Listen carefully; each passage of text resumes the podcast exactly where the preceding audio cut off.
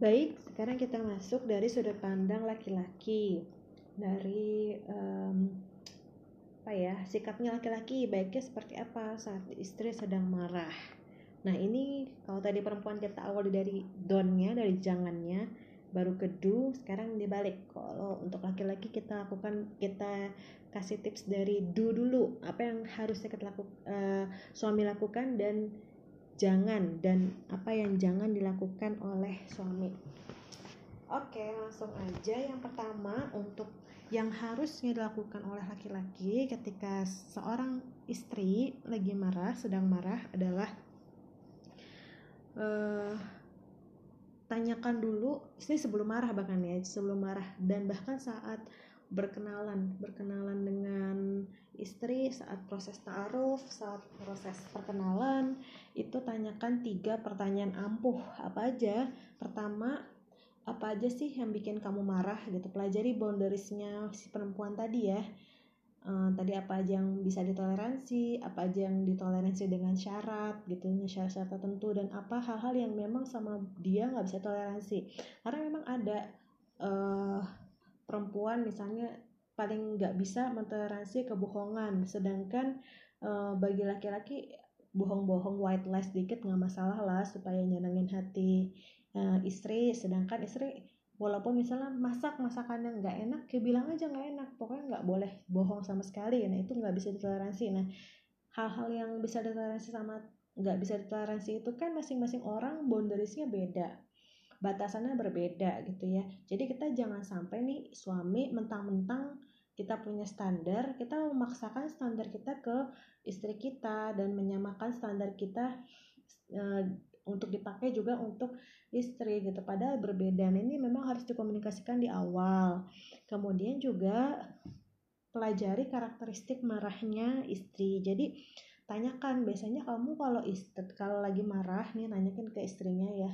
Kalau lagi marah itu biasanya kayak gimana sih ciri-cirinya? Apakah kamu tipikal yang marah itu adalah marah-marah gitu ya senangannya uh, langsung ngomong saat itu juga belak-belakan orangnya?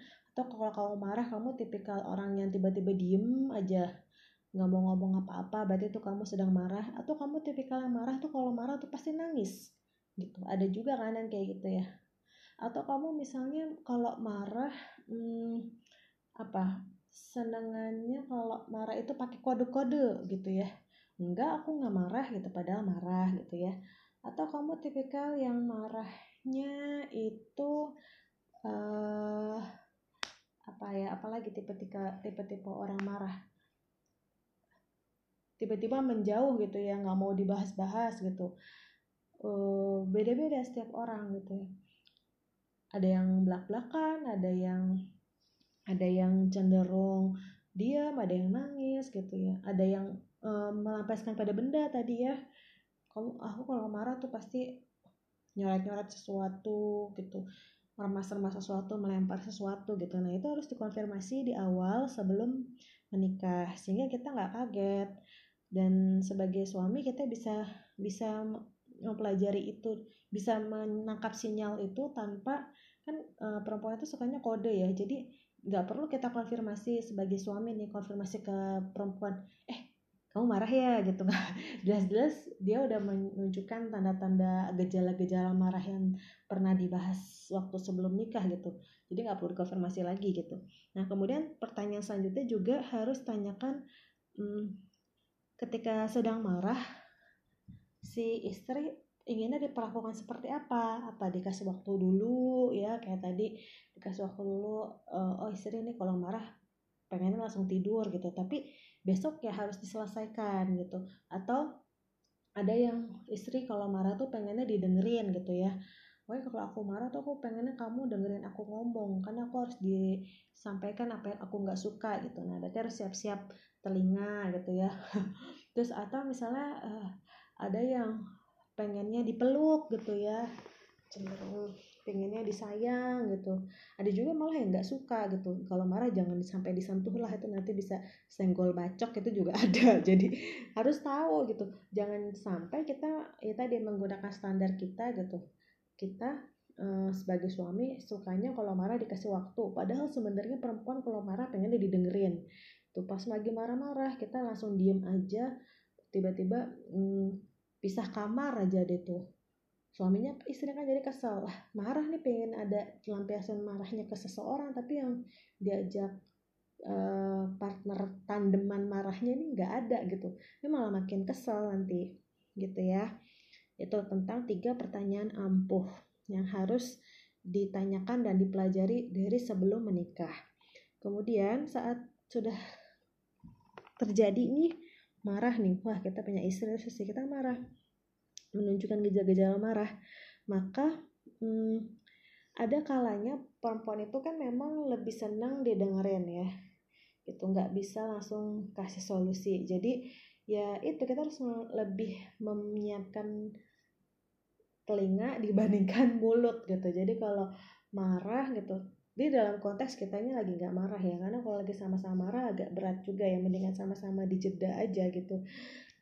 Dan bilang gitu misalnya saya tipikal kalau si cowok ini ternyata lagi marah juga dan dia nggak pengen langsung diselesaikan saat itu juga yang ngomong e, maaf saya juga marah gitu ke kamu kita lagi sama-sama marah kita kasih jeda nanti akan kita akan ada waktunya kita obrolin ini bareng-bareng gitu. Jadi jangan ujuk-ujuk langsung tidur aja gitu. Kita tahu istri kita bawaannya kalau marah pengennya selesaiin saat itu juga tapi tapi uh, kita bukan orang yang kayak gitu terus kita tiba-tiba kabur aja. Nah itu nyebelin banget itu buat seorang istri. Ya maka dari itu siapkan telinga untuk mendengar. Kemudian cari timing yang pas gitu cari deadline ya bahkan uh, kalau misalnya istri lupa nih uh, buat buat kasih deadline gitu. Misalnya istri mengambil jarak gitu terus lupa ngasih tahu kalau uh, tolong kasih aku waktu berapa hari gitu. Ternyata lupa gitu ngasih ngabarin. Nah kita yang harus uh, sebagai suami harus inisiatif gitu. Kamu lagi marah ya kamu butuh waktu berapa lama untuk untuk apa namanya menyelesaikan ini gitu. Nanti besok kalau nggak misalnya nanti malam udahan ya marahnya nanti kita pergi ke sini. Nah itu senang banget itu perempuan kalau diperlakukan seperti itu. Ya jadi cari timing yang pas beri jeda waktu uh, inisiatif untuk untuk um, memberikan deadline gitu. Jangan lama-lama marahnya gitu. Seperti itu. Kemudian uh, pahami dengan cara kuatkan sinyal isyarat atau kuatkan sinyal uh, kode. Jadi kalau istri memberikan kode atau sinyal-sinyal tertentu kita harus siap radar nih sebagai suami nih harus siap radar harus dikencengin nih. Wah, ini ada kode nih. Apa nih maksud dari kode? harus mulai belajar belajar bahasa tubuhnya istri, belajar bahasanya istri yang kadang suka kebolak-balik, bilang iya padahal enggak, pad bilang enggak padahal iya gitu ya. Harus menangkap itu semua. Maka dari itu sebenarnya kenapa materi yang sebelumnya itu eh, laki-laki uh, juga penting untuk punya fitrah femininitas karena memang fitrah femininitas itu diperlukan untuk kita berempati. Nah, di sinilah nanti kepake nih prakteknya dari teori yang sebelumnya ya kenapa laki-laki butuh sih fitrah feminitas gitu? Perasaan kita nggak perlu deh perlunya maskulin aja. Ya tapi ketika kita kan nggak mungkin ya si maskulin ini berinteraksi cuma sesama maskulin dia pasti akan berinteraksi dengan feminin karena ini saatnya nih ketika dia ketemu dengan kondisi dia harus berhadapan dengan seorang perempuan gitu dia bisa berempati dan itu harus diasah. Jadi jangan jangan sampai ada alasan. Ya kan namanya laki-laki uh, sifatnya nggak peka gitu fitrahnya nggak peka iya maskulinitasnya itu memang gak, biasanya nggak peka tapi juga harus punya gitu. Bukan berarti nggak mengexcuse kita benar-benar boleh nggak nggak peka sama sekali gitu ya. Seperti itu. Nah kemudian yang harus dilakukan itu tadi yang pertama ulang lagi ya. Yang pertama kan tadi tiga pertanyaan ampuh yang kedua pahami ya pahami dengan tadi apa aja pahami? Uh, siapkan telinga terus siapkan timing yang pas sama uh, kuatkan sinyal radar sinyal untuk menangkap kode. Nah, yang ketiga yang harus dilakukan adalah lemah lembut. Ya, jadi biasakan ini lagi dilatih lagi nih fitrah femininitas bagi seorang laki-laki ya karena perempuan itu pada dasarnya ya memang makhluk yang lembut gitu dia nggak bisa dikasarin gitu nggak bisa di bengkok kalau dilurusin patah gitu kan. Maka dari itu ketika eh, sedang marah janganlah dikerasin lagi jangan dikerasin lagi ya bisa patah gitu hati-hati. Kalau istri sedang marah eh, biasakan asah empati terus bersikap lebih bijak karena kita kan sebagai suami eh bukan kita ya sebagai uh, anda sebagai suami itu punya logika yang lebih lebih lebih terasa tajam ya. Maka dari itu pahami dengan logika laki-laki bahwa oh iya ini memang sedang ini nih kok emosi. Kalau misalnya dibalas sama emosi ya jadinya nggak kelar-kelar gitu. Oh iya saat ini mungkin aku memang harus lebih bijak lebih wise uh, harus lebih lembut lagi. Ya ketika misalnya ada ternyata perkataan yang kurang berkenan kalau aku nggak bisa menangani itu lebih baik aku diam gitu. Sambil juga menerima emosi. Dia kan orang emosi kan bawaannya pengen melampiaskan. Nah kita terima lampiasan itu dengan baik. Tapi dengan catatan ya memang kita juga dalam kondisi yang bukan sedang marah. Kalau sedang marah ya sama-sama ambil jeda aja gitu. Karena itulah yang dicontohkan oleh Umar bin Khattab gitu ya. Kan uh, mungkin sahabat jagonya pranikah di sini pernah dengar kisah pernah ada seorang sahabat yang dia dimarahi istrinya terus nggak terima gitu ya. Terus melaporkan kepada Umar bin Khattab yang saat itu sedang menjadi khalifah gitu. Nah saat ia pengen melapor gini gimana nih? Dia menganggap istrinya ini pas marah-marah ke dia adalah nusyus udah masuk kategori membangkang nusyus. Nah karena uh, di, uh, dihampirilah rumahnya Umar bin Khattab. Tapi ketika sedang ingin masuk ke rumahnya Umar bin Khattab kaget dengar suara istrinya Umar bin Khattab itu sedang marah memarahi Umar bin Khattab. Uh, kemudian kaget loh. Ternyata dimarahin juga sama istrinya gitu ya akhirnya apa? Uh, ketika Umar bin Khattab keluar gitu selesai urusannya dengan istrinya ditanya ada keperluan apa? Nah sahabat ini bilang nggak jadi deh gitu. Loh kenapa nggak jadi? gitu. Sebenarnya saya tadinya ingin mengadukan istri saya yang memarah-marahi saya gitu tapi ternyata anda juga posisi uh, dimarahi oleh istri kok bisa gitu nerima dimarahin oleh, istri. Kemudian Umar jawabannya apa? Bagaimana bisa aku uh, apa ya berlaku tidak baik pada istriku padahal istriku yang udah menyucikan piring untukku menyucikan baju untukku bukan piring menyucikan baju untukku merawat anak-anakku. Ya dia Umar tuh sadar gitu bahwa memang ada kalanya uh, seorang istri tuh ada limitnya capek bawaannya emosi lebih pengen marah-marah gitu. Maka dari itu ya Umar terima terima emosi istrinya dengan dengan lemah lembut. Ya kemudian kalau bisa juga bahkan lemah lembut ini dilibatkan fisik gitu. Siapkan bahu untuk uh, disandarkan. Ini agak-agak geli gimana gitu ya. Tapi itu memang ya itu yang hubungan romantisme itu memang harus dirawat meskipun sudah lama bukan pengantin baru lagi gitu ya. Udah pengantin veteran itu harus tetap dipupuk gitu libatkan fisik bahkan kalau bisa maaf nih uh, buat yang belum nikah ya. Nanti uh, ketika istri marah ya nanti pada saat harus dipeluk libatkan fisik dengan mencium gitu ya segala macam. Tapi jangan pas lagi marah banget itu itu memang mengasalkan gitu. Harus tahu tadi yang sebelumnya ya pahami timing yang tepat gitu. Ya seperti itu. Oke itu tadi tiga hal yang seharusnya dilakukan oleh seorang suami saat istrinya marah. Nah, selanjutnya akan kita bahas tentang apa yang nggak boleh atau jangan dilakukan oleh seorang suami saat istrinya marah. Kita bahas setelah ini.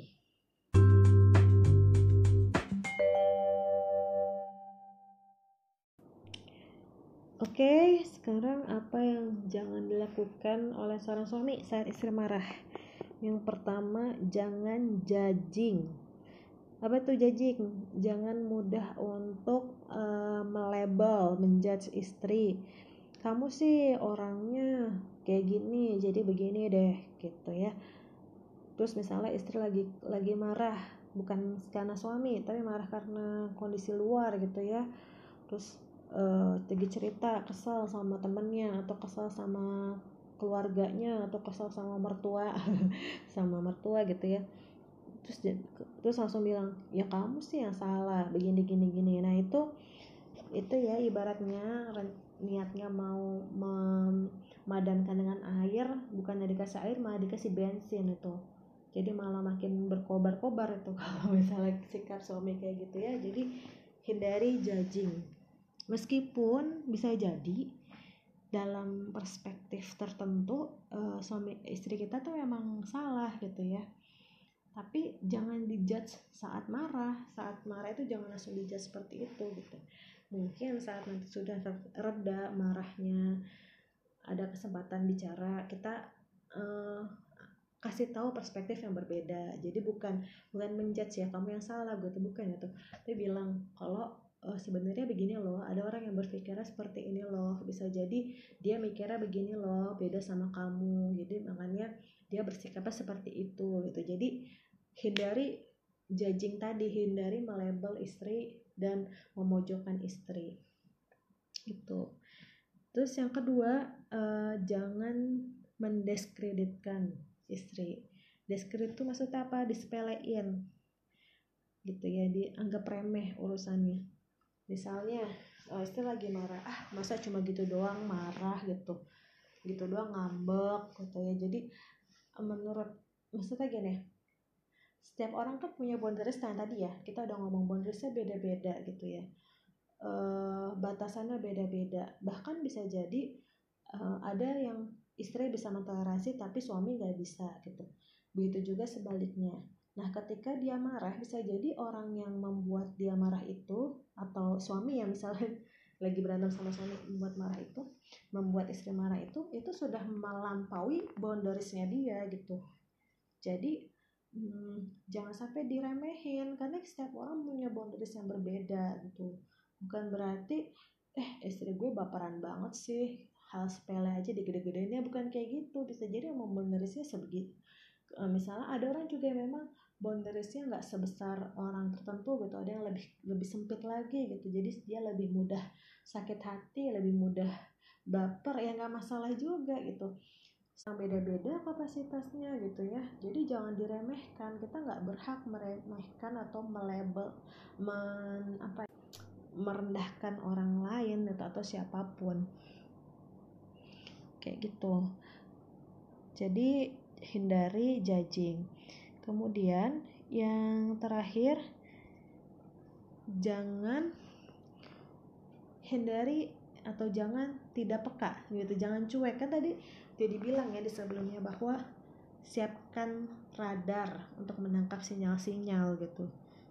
Diasah dikuatkan sinyalnya gitu. Nah jangan sampai cuek gitu.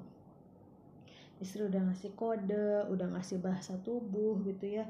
Isyarat bahkan udah belak belakan tapi kita masih merasa gak ada apa-apa di istri kita istri, istri kita aja yang lebay terus kita cuek nganggap masalah itu nggak ada itu nah itu justru malah membuat bom waktu yang seolah-olah itu akan meledak suatu saat nanti itu jadi tunggu tunggu aja saatnya kalau misalnya kita nggak menyelesaikan masalah tersebut gitu. Jadi jangan cuek ya. Walaupun masalahnya misalnya kita anggapnya tadi sepele itu tadi kan berarti kalau dia marah udah menyentuh boundariesnya dia. Jadi kita jangan menyepelekan orang lain. Karena kan uh, menyepelekan orang lain itu kan salah satu karakteristik sombong ya. Sombong itu kan menganggap rendah orang lain dan uh, menolak kebenaran.